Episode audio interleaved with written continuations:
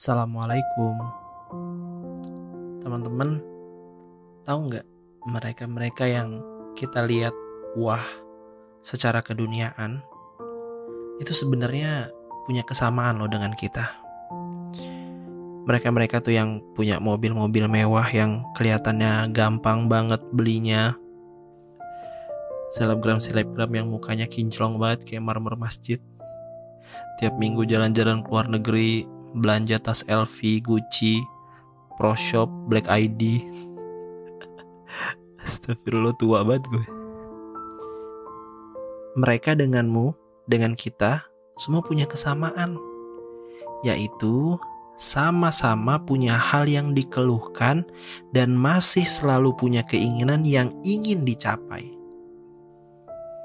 Itulah sifat dasar manusia nggak akan pernah puas dan selalu punya celah untuk mengeluh. Ya mau gimana, kadang yang bikin susah hidup kita ya angan-angan kita sendiri. Buat target hidup tapi ditentukannya oleh pencapaian orang lain. Realitasnya karena kebanyakan target yang pengen dicapai malah ngebuat kita minim bersyukur. Kekeh ngejar pencapaian keduniaan. Minim banget menyingkronkan dengan standar kemampuan. Kerjaannya cuma berangan-angan, enak ya kalau punya ini, enak ya kalau jadi seperti itu, enak ya jadi anaknya Raffi Ahmad, enak ya kalau jadi anak angkatnya Ruben.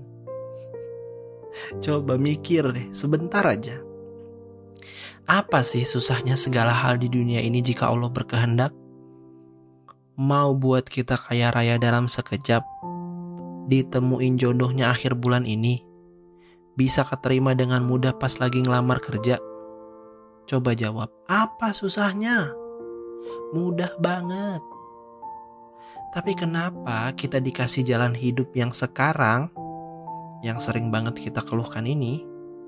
Ya karena Allah pengen menguji sampai di mana kekuatan iman kita, sejauh apa yakin kita kepadanya. Coba angan-angannya diganti. Alhamdulillah, walaupun begini, aku masih bisa tertib sholat lima waktu. Bisa tetap hadir amrin jami. Tetap bisa mengeluarkan infak. Bisa sodako. Susah emang punya pemikiran kayak gitu. Tapi bukan berarti nggak bisa kan? Kadang mindset kita masih duniawi banget. Jadi apa-apa indikator penilaiannya masih urusan keduniaan. Pada dasarnya manusia nggak akan pernah puas di dunia. Gaji sebanyak apa pun tetap ngerasa kurang kalau indikator penilaiannya nggak ngelibatin urusan akhirat. Kadang kita suka iri ngelihat teman kita yang udah sukses secara keduniaan bisa beli apa aja yang dia mau. Tapi di balik itu juga bikin dia jadi jarang kelihatan di masjid. Kalau kayak gitu apa yang dibanggain dari sebuah pencapaian? Terlebih semua itu membuat kita lalai sama Allah. Kebanggaan apa yang didapat?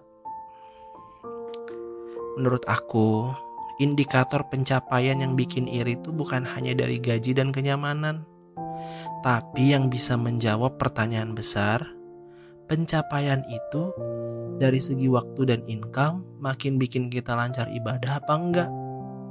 Kalau malah bikin jauh apa yang dibanggain? Iri tuh sama orang-orang yang sebab kerjaannya, sebab pencapaian-pencapaiannya, jadi malah rajin ibadahnya. Kenceng sodakohnya, kuat pembelaannya, gemar berbaginya, gampang bantu orang, itu indikatornya. Termotivasi soal keduniaan itu sah-sah aja. Tapi jangan jomplang. Selalu iri ngelihat orang sukses sama bisnis dan usahanya, tapi sama sekali nggak pernah iri sama orang yang bisa sholat dua rakaat sebelum sholat wajibnya. Nggak pernah iri sama mereka-mereka yang nggak pernah tinggal sholat 8 rakaat di waktu duha. Harusnya sebuah pencapaian keduniaan itu bisa jadi alasan besar bersyukur sama Allah. Bukan malah bikin songong dengan bilang, Ini semua berkat kerja kerasku. Kecil amat bos. Itu apa yang kita punya sekali kebakaran juga habis, nggak ada bekas. Dikasih gempa, kesiram tsunami juga rata sama tanah. Yang dibawa apa sih dari dunia ini? Amal. Amal. Mari kita tutup podcast kali ini dengan sebuah doa. Ya Allah, Kalaupun engkau memberi aku cukup bahkan berlebih, jadikan aku tetap selalu mengingatmu dan menjadikanmu alasan dalam setiap aktivitasku. Amin ya rabbal alamin.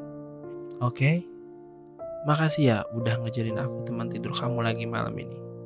Besok-besok lagi ya. Alhamdulillah jazakumullah Assalamualaikum.